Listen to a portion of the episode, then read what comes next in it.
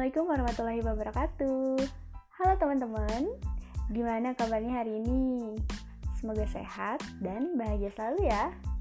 Oh ya teman-teman Jumpa lagi sama aku Nisa Iba Fitria Dalam podcast Ce Nisa Iba Berbicara dalam podcast.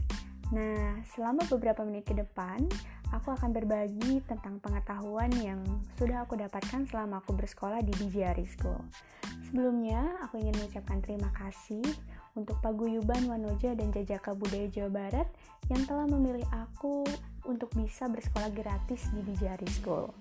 Tentunya, aku pun ingin mengucapkan terima kasih untuk Mas Ari dan Dijari School, yaitu Public Speaking and Broadcasting School, yang sudah memberikan kesempatan aku untuk bisa bersekolah di sana. Nah, udah lama banget nih aku nggak nge-podcast ya. Karena aku termasuk salah satu manusia yang bisa dibilang pengacara atau pengangguran banyak acara sih sebenarnya. Karena aku masih seorang mahasiswi jadi ya kegiatan utama aku yaitu kuliah. Selain itu ya aku berkegiatan. Karena aku aktif di beberapa kegiatan sampai saat ini.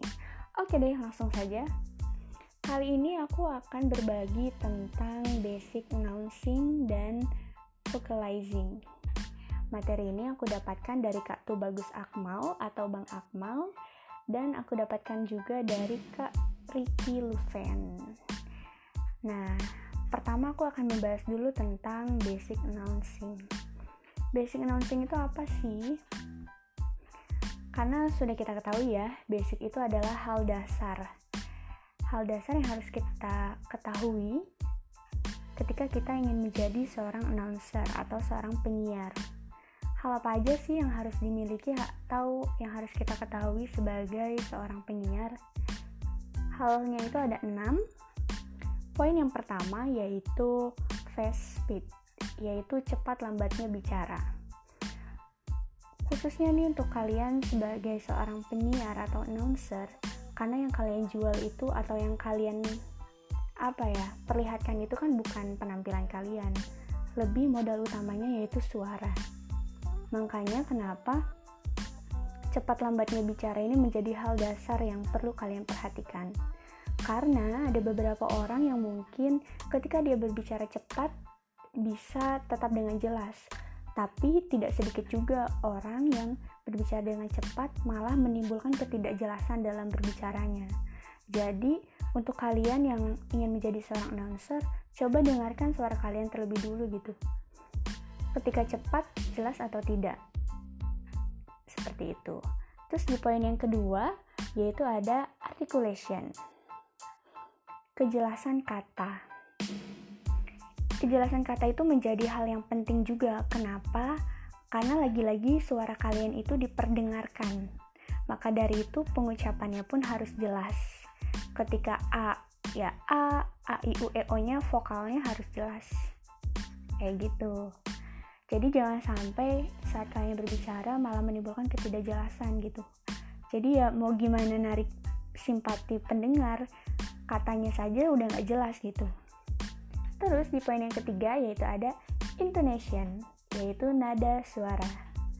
Nah, nada suara ini nanti bakal aku kupas tuntas di vocalizing di segmen yang kedua nanti. Kenapa sih nada suara itu penting?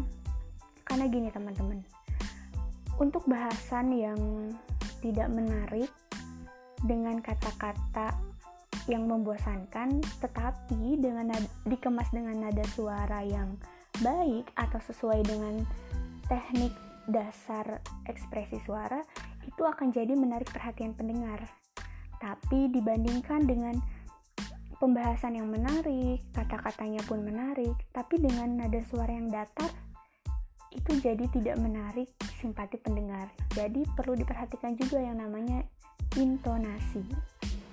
Nah, poin yang keempat yaitu power. Kualitas atau kekuatan suara. Jadi kalian selaku announcer atau penyiar atau public speaker lainnya itu perlu diperhatikan yang namanya power. Kenapa? Karena di dalam atau pada saat kita berbicara tidak selalu dengan menggunakan suara yang keras atau dengan suara yang lembut. Tapi ada bagian-bagian tertentu di mana kita harus bersuara dengan keras yaitu dengan power yang kuat atau dengan power yang agak sedikit kita kurangi. Seperti itu. Jadi diatur kekuatan suaranya. Selanjutnya poin yang kelima yaitu smiling voice. Nah, untuk kalian selaku announcer walaupun kalian tidak menjual penampilan kalian, tapi bukan berarti kalian tidak bisa menggunakan smiling voice kalian. Justru smiling voice ini digunakan untuk menghibur dan membangun suasana. Seperti itu. Terus ke poin yang terakhir poin yang keenam yaitu ada emotion atau natural, yaitu keaslian suara. Nah, itu dia tuh 6 poin penting yang harus diperhatikan sebagai basic announcing ketika kalian akan menjadi seorang announcer atau nggak berlaku sebagai announcer juga sih untuk public speaker lainnya seperti kalian untuk menjadi TV presenter atau ya atau pembicara lainnya lah gitu. Nah selanjutnya aku pun akan berbagi tentang vocalizing atau ekspresi suara. Perlu teman-teman ketahui bahwa kita sebagai manusia memiliki enam kurva dasar ekspresi suara. Jadi, ada kurva mendatar, ada kurva naik, kurva turun, kurva dari naik ke naik lagi atau seperti letter U, kurva turun ke turun lagi seperti letter N, atau kurva yang fluktuatif seperti gelombang.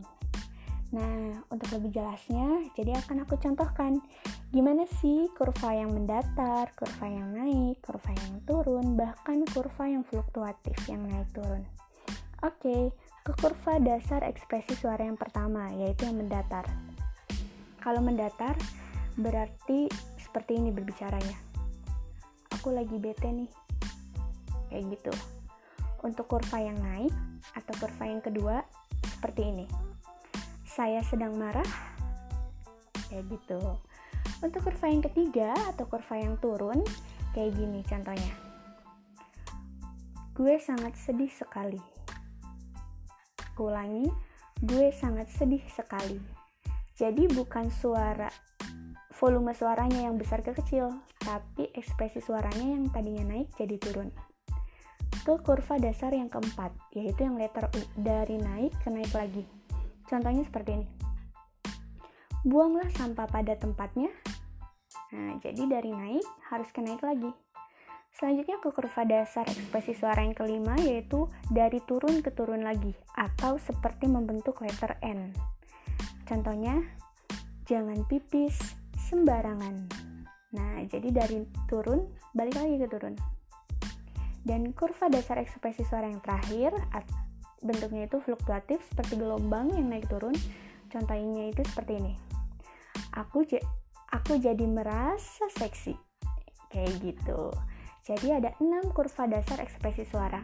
Mungkin kalian untuk pendengar setiap podcast aku ini memperhatikan cara berbicara aku.